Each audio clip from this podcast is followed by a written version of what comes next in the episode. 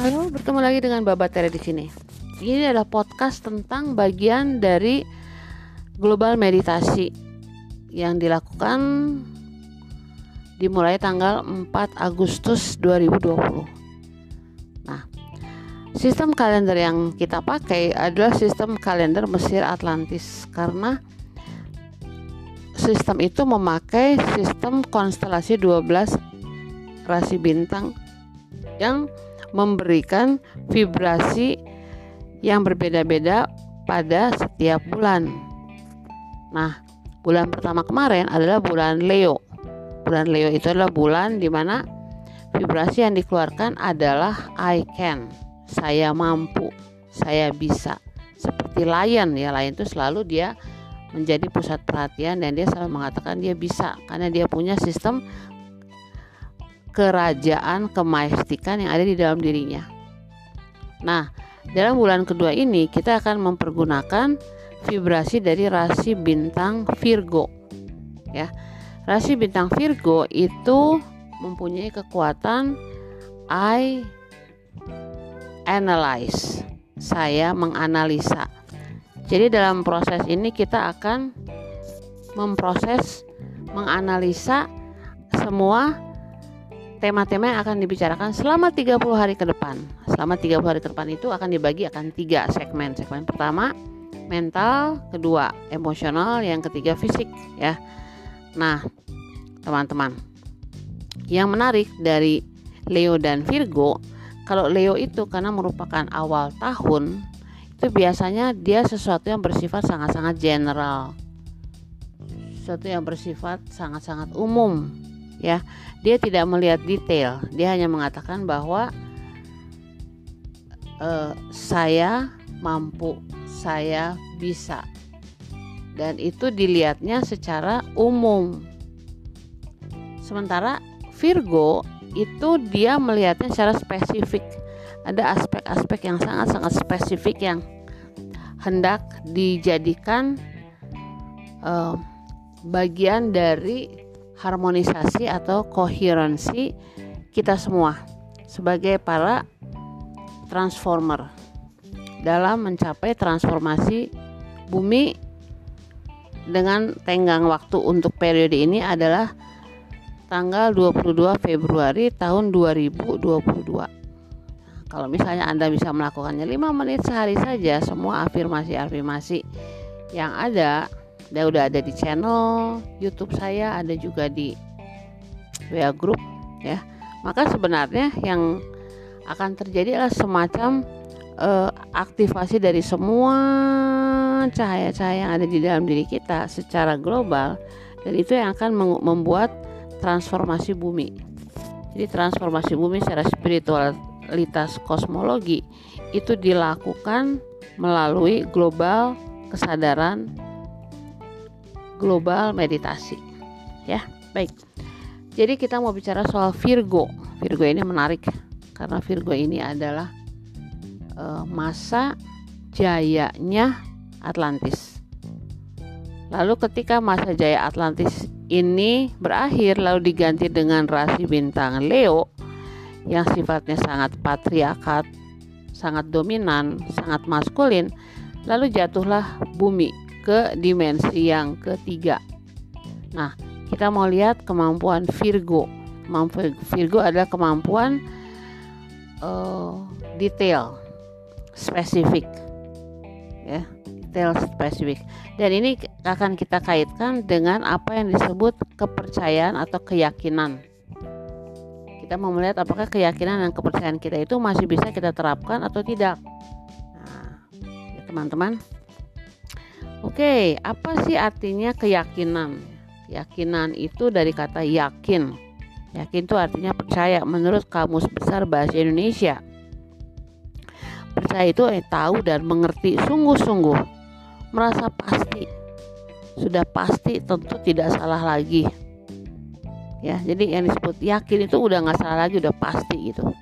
Nah, lalu yang disebut keyakinan adalah kepercayaan bahwa sesuatu itu akan sungguh-sungguh ada suatu kepastian atau ketentuan bahwa itu akan terjadi di masa yang akan datang.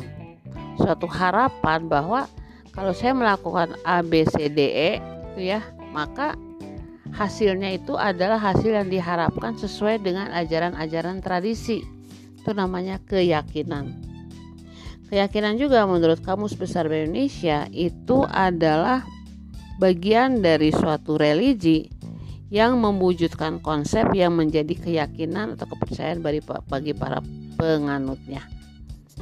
Nah, itu namanya keyakinan. Dalam konteks podcast ini saya akan pakai bahasa Inggrisnya yaitu belief. Ya. Kenapa? Karena kalau kita pakai bahasa Indonesia itu kita udah punya konotasi tertentu. Maka kalau teman-teman mau belajar sesuatu yang baru, pakailah bahasa yang bukan bahasa Indonesia. Itu akan membuka nuansa ruang pengertian kita tentang sesuatu yang kita pelajari tersebut. Nah, dalam bahasa Inggris ya, teman-teman, apa sih itu suatu belief? Belief ya berasal dari belief. Itu berasal dari bahasa Latin yang konsepnya adalah mempunyai iman. Berpikir bahwa sesuatu itu mungkin jadi belief itu berasal dari kata krensia lalu ditambah sufik tia lalu menghasilkan yang disebut kren krensia itu kalau misalnya anda apa familiar dengan credo ya credo itu adalah eh, syahadat yang dibacakan dalam misa-misa atau dalam ibadah-ibadah Kristianitas itu namanya credo syahadat para rasul. Artinya suatu kepercayaan bahwa segala sesuatu mungkin. Nah dalam bahasa Anglo-Saxon ya dalam bahasa Anglo-Saxon itu kata ini mempunyai akar kata galaubian yang artinya to keep what is dear. Artinya kita tetap mempertahankan sesuatu itu karena dia rasanya tuh nyaman di hati ya membuat kita merasa bahwa segala sesuatu karena dia mungkin karena dia menciptakan suatu harapan cinta kemauan dan lain-lain maka kalau kita percaya pada sesuatu itu maka secara personal secara individual kalau kita melakukannya dalam waktu-waktu tertentu kemudian eh, kalau secara kolektif itu kita transendenkan dengan waktu dan ruang maka dia akan menjadi suatu eh, kepercayaan yang di, diwariskan dari generasi satu ke generasi lainnya dan itu adalah konsep warisan kepercayaan. Ya. Nah, apakah kita akan mewariskan kepercayaan kita pada keturunan kita? Ya, kayaknya iya sih. Tetapi dalam masa transformasi ini kita mau melihat apakah suatu keyakinan itu masih applicable apa enggak. Nah, sekarang kita mau lihat ya, contohnya. Hari ini saya lihat udara di luar sana itu sangat-sangat indah. Langitnya sangat-sangat indah Lalu kalau saya melihat bahwa apa yang saya lihat itu saya formulasikan dengan kata-kata, maka saya mengatakan bahwa saya melihat langit dan langit itu warnanya biru dengan awan-awan putih. Ya. Nah, ketika saya melihat langit yang biru dan awan-awan putih itu saya merasa spacious.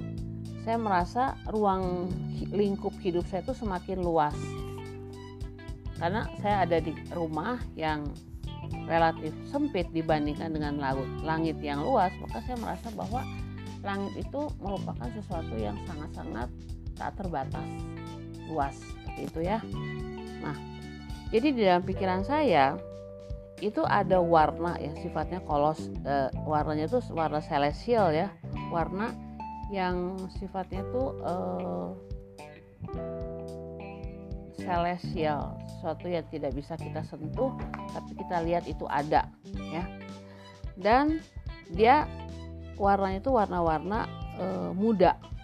Warna muda yang dihubungkan dengan rasa mempunyai e, suatu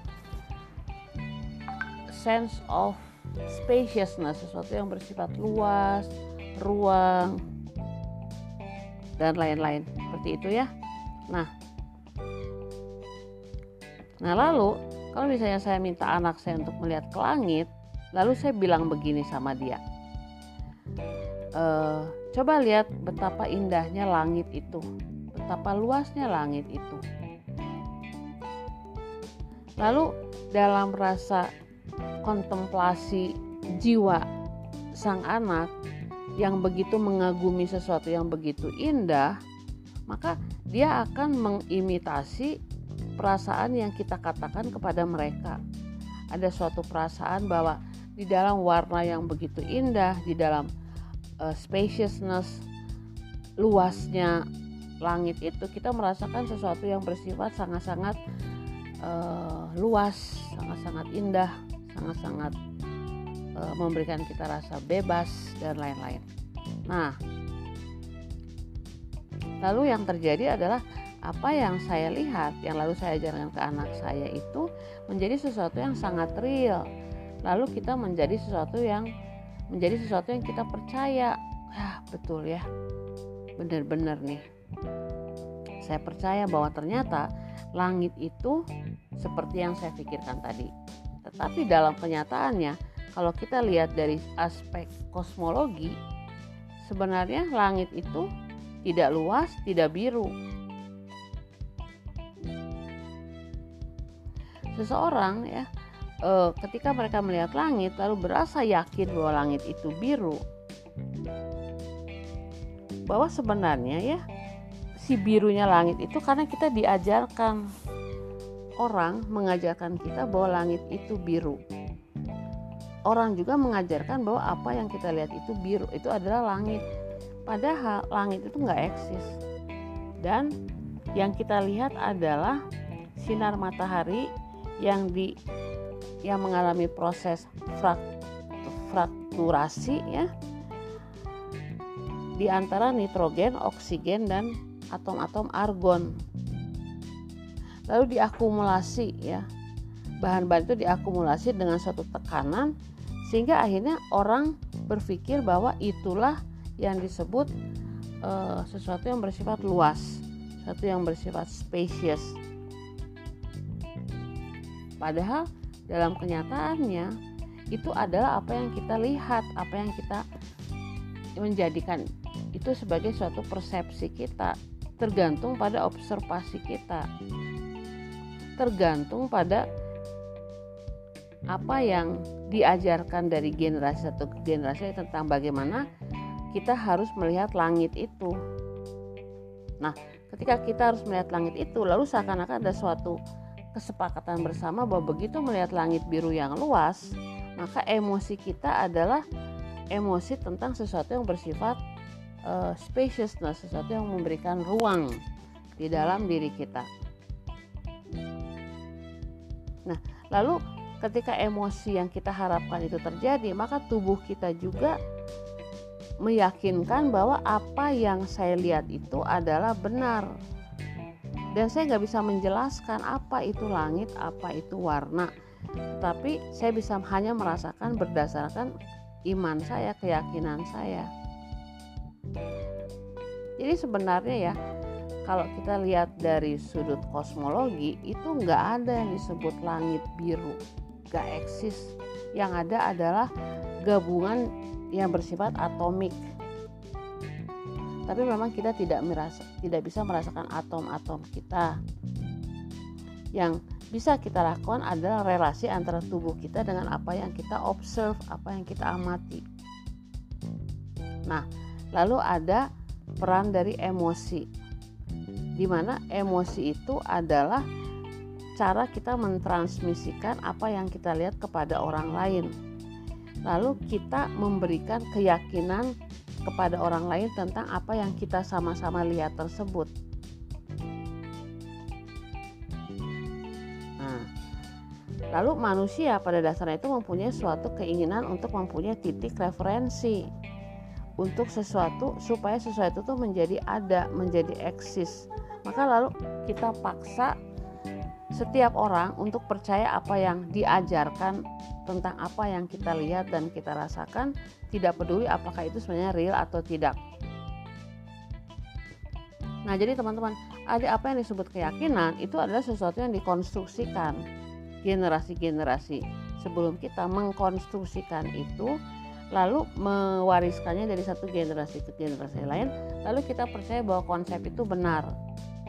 Ya jadi kita adalah e, hasil dari jutaan keyakinan yang bukan saja dari sudut religi tetapi juga dari sudut non religi nah baik spiritual atau non spiritual, baik science atau non science, kita tuh diajarkan untuk melihat dunia dengan cara yang tertentu.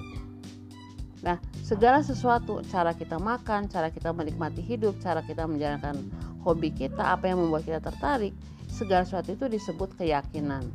Dan keyakinan bukan sesuatu yang buruk, karena keyakinan itu membantu kita untuk mempunyai semacam alat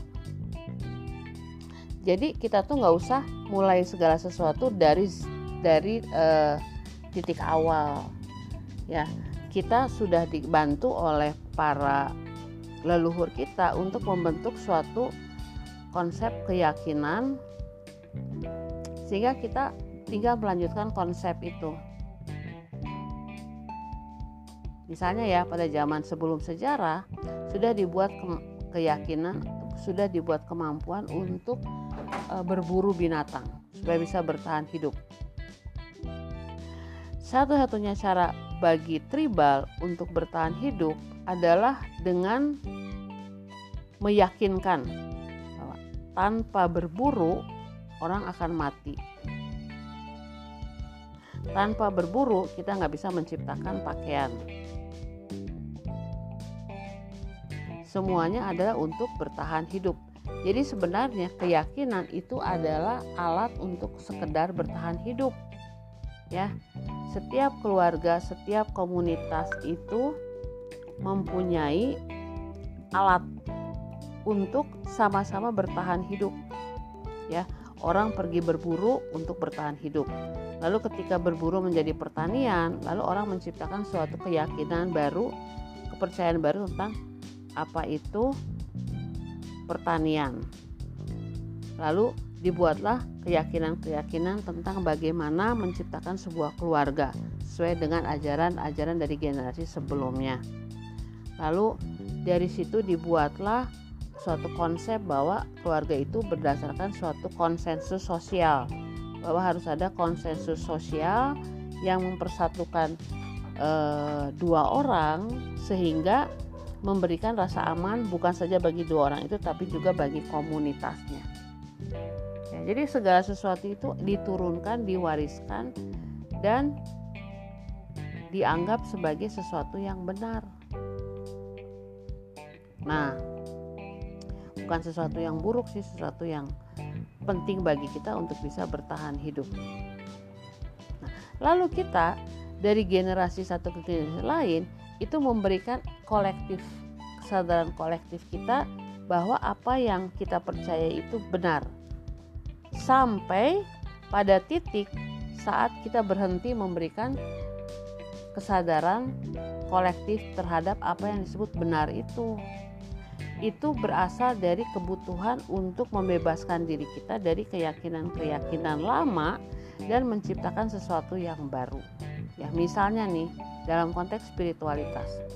Kita diajarkan bahwa Tuhan adalah pemberi kebahagiaan dan pemberi penderitaan. Ya, jadi pemberi e, semuanya ditentukan oleh Tuhan. Maka lalu kita mempunyai semacam keyakinan yang diucapkan dalam situasi-situasi seperti e, terima kasih Tuhan, ya ampun Tuhan, kalau Tuhan berkehendak dan lain-lain. Dan lain-lain gitu ya. Nah si apa pun itu mereka itu ditujukan ditujukan untuk mengekspresikan suatu keyakinan yang sifatnya sangat-sangat eh, apa ya sangat-sangat tradisional tradisional. Nah dalam bidang sains dalam bidang sains itu lalu kita percaya misalnya seperti yang tadi tentang langit biru ya ada informasi baru bahwa ternyata nggak ada yang disebut langit nggak ada yang disebut warna yang ada adalah uh, fraktura frakturasi frakturisasi dari sinar dari sinar matahari dan gabungan dari atom-atom yang ada itu adalah data baru. Nah, dengan data-data baru itu, lalu orang bisa menciptakan suatu keyakinan baru.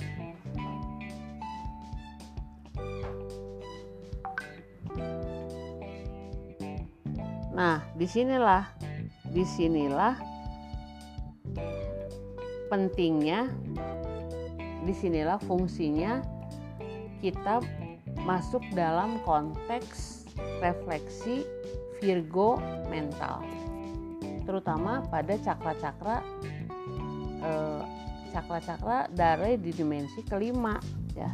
Jadi memang ini adalah suatu konsep pola berpikir yang berbeda, pola berpikir yang berbeda. Kita akan membebaskan diri kita dari kesadaran keyakinan yang berada di bawah sadar, menghentikan keyakinan-keyakinan yang sifatnya bias, prejudis, penuh dengan ketakutan, lalu kita akan memulai sesuatu yang baru.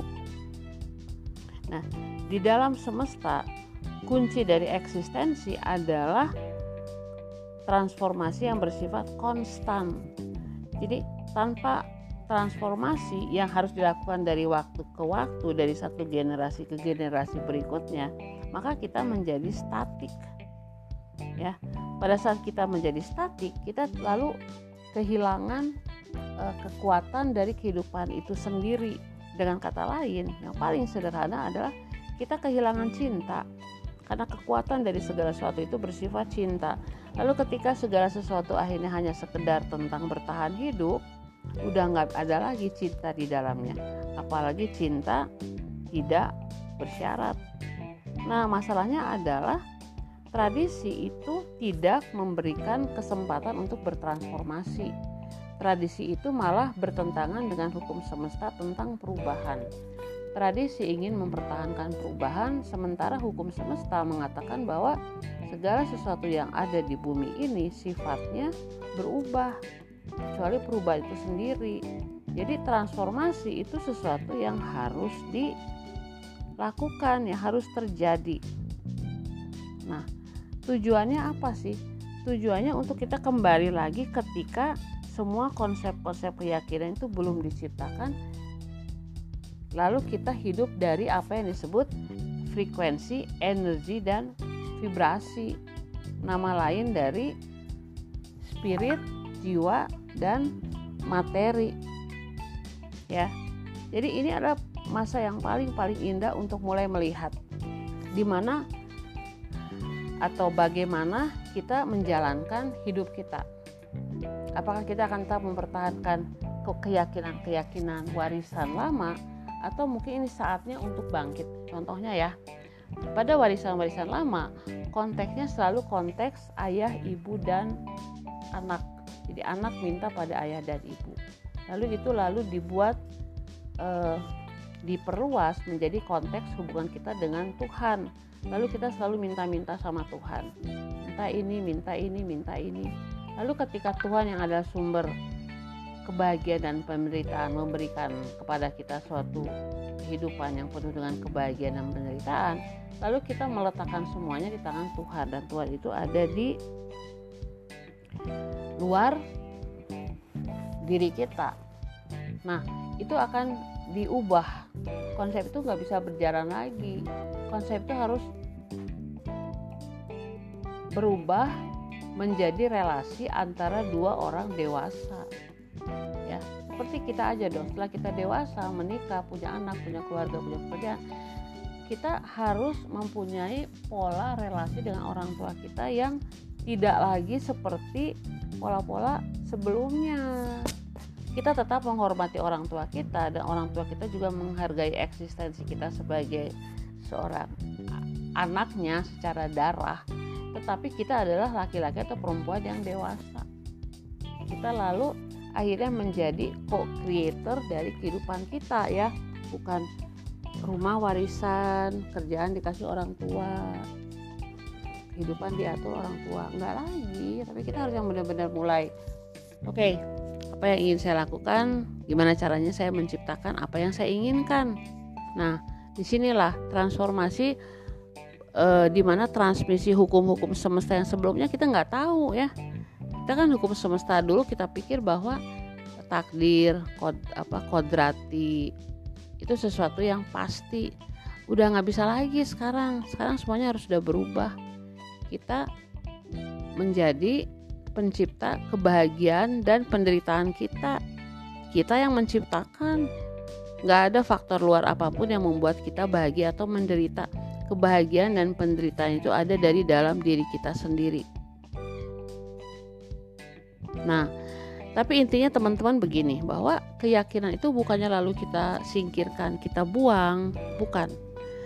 Tetapi kita itu menghormati mereka karena mereka itu semua keyakinan-keyakinan itu sudah membawa kita pada titik ini di sini. Dan sekarang saya mempunyai rasa percaya diri yang cukup dalam diri saya untuk mentransformasikan, mengupdate keyakinan-keyakinan lama itu sesuai dengan waktu saya dan konteks kekinian saya. Sesuai dengan kebutuhan-kebutuhan pada momen ini dan menyatukannya dengan apa yang saya lihat dalam lingkungan hidup saya saat ini. Pada saat yang sama, saya juga mempersilahkan menghormati keputusan orang lain. Jadi, kalau misalnya ada orang lain tetap ingin mempunyai keyakinan yang bersifat tradisional, nggak apa-apa, itu hak mereka. Mereka punya kebebasan untuk itu. Jadi nggak ada perang, sebenarnya nggak ada perang, nggak ada konflik, nggak ada. Semuanya ada dalam pikiran kita, ya. Nah, jadi apa sih tujuannya untuk membahas semua ini? Tujuannya adalah meningkatkan kesadaran. Kesadaran dari apa yang sifatnya terkondisi. Semuanya terkondisi. Dalam keyakinan-keyakinan sebelumnya itu semuanya terkondisi, ya. Kalau misalnya pengen membanggakan orang tua, jadilah juara. Nilai-nilai harus tinggi, IP harus tinggi, harus dapat um, gelar ya MBA, MBS, M apa, M apa, M apa gitu ya. Itu kondisi-kondisi. Nah, lalu si kondisi-kondisi cinta itu mau kita ubah menjadi unconditional love, cinta yang tidak terkondisi. Kita menerima hidup karena memang kita e, itu makhluk yang bermartabat, makhluk yang berdaulat, makhluk yang dibebaskan dalam uh, mengambil apa yang menurut kita penting dan melepaskan apa yang tidak penting. Nah ini suatu ini perlu suatu pola uh, pemikiran baru, landasan baru, ya. Nah jadi dalam cerita-cerita kan kita sering dengar ya ada wah ada sinetron atau ada film-film tentang bagaimana anak itu mencoba keluar dari sistem kontrol orang tuanya. Kenapa? bukan secara personal jadi don't take it personally ya kalau ada orang ingin menentang kita Gak, tapi karena memang mereka ingin keluar dari pola-pola keyakinan yang sudah menimbulkan konflik dan ada resistensi dalam diri mereka sendiri. Nggak ada hubungannya sama mereka membenci orang tua apa tidak. Gitu loh. Jadi um, sekarang generasi sekarang dengan tingkat kesadaran yang baru mereka sudah melihat bahwa ada pola-pola lama yang sudah tidak bisa terjadi lagi. Dan anak-anak nggak mau mengulangi lagi pola-pola yang lama itu ya. Sebenarnya ini ada pada benak setiap orang loh. Cuman mungkin belum mencapai atau belum tahu kuncinya di mana. Jadi kebanyakan kita bilang gini oh saya berasal dari keluarga yang penuh dengan kekerasan. Ayah saya bla bla bla bla bla. Ibu saya bla bla bla bla bla. Maka saya nanti kalau membuat keluarga saya nggak mau meniru apa yang orang tua saya lakukan tetapi dalam banyak kasus akhirnya what you see you become apa yang kamu lihat kamu menjadi itu maka banyak sekali pengulangan rantai-rantai kekerasan dalam kehidupan rumah tangga, dalam kehidupan pekerjaan, dalam pendidikan. Karena apa? Karena walaupun mereka ingin bebas, tetapi mereka tidak tahu caranya bagaimana. Mereka tidak tahu caranya bagaimana. Itu saya masih lihat dalam keluarga saya. Uh, dulu keluarga saya itu sangat menekankan pendidikan. Semua anak-anak harus punya tingkat pendidikan yang tinggi, dan itu pola itu masih dipakai.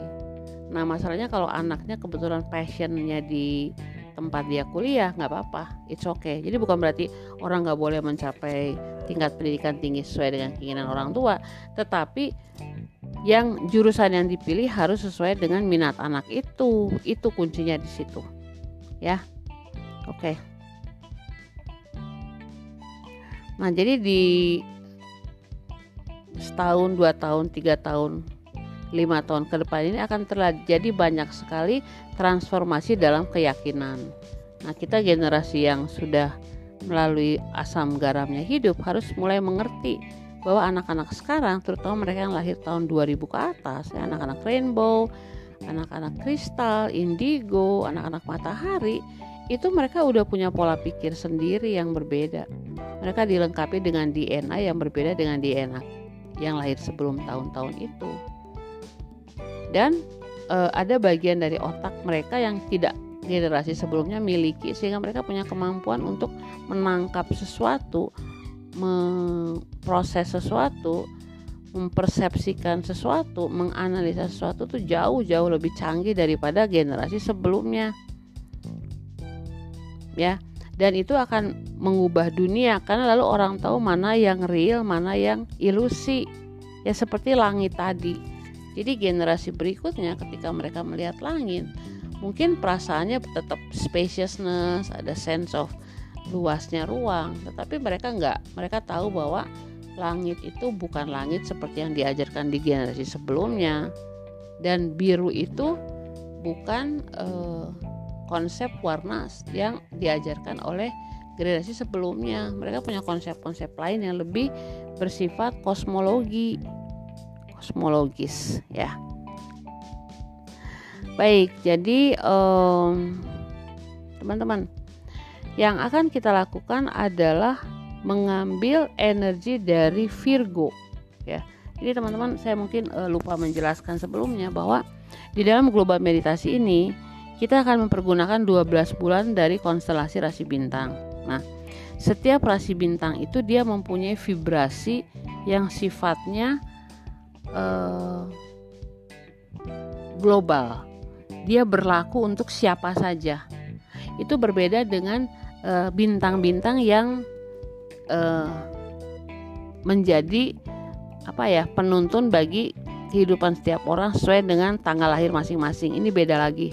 Jadi walaupun misalnya saya Aries dan saya itu kalau nggak salah punya uh, elemen api ya Aries api gitu ya misalnya ada lagi yang misalnya um, Cancer air ya. Tapi kita semua dalam global meditasi bulan ini yaitu Virgo kita semua akan memakai elemen Virgo yaitu elemen tanah. Elemen tanah. Jadi kita akan connect dengan tanah. Ya, elemen tanah sangat-sangat kuat. Nah dalam global meditasi ini yang melakukannya itu puluhan ribu orang di seluruh dunia, maka si kekuatan kesadaran untuk memberikan fokus pada relasi kita dengan tanah itu akan mentransformasikan cara kita melihat apa yang kita yakini sebelumnya. Nah, segala sesuatu juga sudah berubah sih. Kita punya relasi dengan bumi yang berubah dengan kalau dibandingkan dengan tahun-tahun dulu ya sekarang orang-orang udah mulai melakukan recycle daun ulang sekolah-sekolah sudah menerapkan perbedaan tempat sampah misalnya seperti itu ya. Jadi orang udah mulai sadar bumi. Sadar bumi sadar tanah. Ada dulu waktu saya di luar negeri itu kita tuh nggak pernah buang sampah kos kosmos kom sih humus ya. Jadi semua sampah-sampah dari tumbuh-tumbuhan, buah-buahan, sayur-sayuran itu sama kita di simpan lalu kita masukin ke dalam lubang nah pada musim semi itu kita mulai menanam menanam bunga tulip bunga-bunga yang indah gitu dari humus itu. Jadi sudah ada kayak gerakan di mana-mana terutama di negara-negara maju tentang koneksitas dengan bumi yang jauh-jauh berbeda dibandingkan dulu ya. Karena orang udah mulai sadar tentang menghilangkan polusi tentang menjaga kebersihan bumi dan lain-lain dalam bulan Virgo ini kita akan fokus pada bumi ya pada bumi kita akan lebih membumi dan kita akan melakukan kemampuan analisa kita untuk melihat kembali terutama apa yang dulu kita percaya apakah masih kita bisa terapkan atau kita harus cari konsep berpikir yang baru. Nah, teman-teman, di dalam eh, 10 hari pertama 10 hari pertama yang akan kita mulai pada tanggal 4 September ini kita akan memfokuskan diri pada konteks bahwa kita adalah duta. Kita adalah duta. Apa sih duta? Duta itu kan kayak duta besar ya. Duta besar uh, utusan wakil. Nah, itu namanya duta. Nah, dari tanggal 4 September sampai tanggal 13 September itu kita akan melakukan mantra ya mantra-mantra mantra-mantra ini saya taruh di sudah saya sebutkan di channel saya tetapi saya akan ucapkan lagi. Jadi pada tanggal 4 sorry sorry pada tanggal 5 saya salah tanggal sebentar ya. Jadi kita akan mulai pada tanggal 5 pada tanggal 5 September sampai tanggal 14 September itu kita akan melakukan yang disebut e, mantra Virgo mental teman-teman udah tahu kan kita maunya melakukannya melalui cakra jadi ada cakra yang berbeda dengan cakra tradisional sebelumnya cakra tradisional sebelumnya itu berasal dari cakra 1 sampai 7 dia mulai dari bawah ke atas karena apa? Karena dalam dimensi ketiga itu kita diajarkan dengan keyakinan dulu bahwa semua jawaban ada di atas sana, di langit. Surganya di atas sana. Ya, di luar diri kita. Tapi dalam dimensi lima itu terbalik. Semua jawaban ada di dalam bumi, di dalam diri kita karena kita adalah bagian dari bumi. Maka sistem cakranya juga berubah. Jadi cakra pertamanya malah ada di atas kepala kita yaitu cakra mahkota lalu dia turun-turun ke bawah sesuai dengan urutan cakra yang sama dengan cakra tradisional dengan tambahan dua cakra yaitu cakra lutut dan cakra kaki ya telapak kaki pergelangan kaki.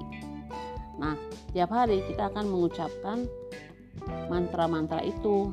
Jadi pada hari pertama Virgo mental yaitu tanggal 5 September mantranya adalah aku adalah duta langit ya aku adalah duta surga. Jadi kita akan mendatangkan kebijaksanaan surga kebijaksanaan, kebijaksanaan langit itu ke bumi ya udah terbalik sekarang udah nggak dari bawah ke atas tapi dari atas ke bawah pada tanggal 6 mantranya adalah aku adalah duta kesadaran pada tanggal 7 mantranya adalah aku adalah duta kebenaran pada tanggal 8 dutanya adalah aku adalah duta hari. Sementara tanggal 9 aku adalah duta persatuan. Ya, pada tanggal 10 aku adalah duta penciptaan. Pada tanggal 11 aku adalah duta bagi dunia. Pada tanggal 12 aku adalah duta yang bijaksana. Pada tanggal 13 aku adalah duta master atau guru. Dan pada tanggal 14 ya aku adalah duta yang abadi nah, jadi kita akan lihat nih kita adalah duta kita adalah utusan kita adalah nabi kita adalah putra Allah kita adalah yang dulu kita anggap sebagai penyelamat dari luar sana ternyata kita adalah mereka. Ya ini pola pikirnya berubah. Jadi kita adalah pembawa keselamatan. Seperti itu teman-teman. Oke jadi itu yang mau saya ajak kita lakukan 5 menit saja. Kita 5 menit saja fokus bilang saya adalah duta kebenaran. Saya adalah duta kebenaran. Saya adalah duta kebenaran. Itu uh, efeknya powerful banget impactnya sangat sangat dahsyat. Dan semua orang melakukannya itu kita bisa mengguncangkan bumi dengan kekuatan mantra ini. Jadi siapa yang merasa terpanggil silahkan melakukannya. Dan sampai sini dulu saya akan lanjutkan lagi dengan refleksi-refleksi lain ya. Terima kasih sudah menyimak dan seperti biasa teman-teman selalu bahagia. thank you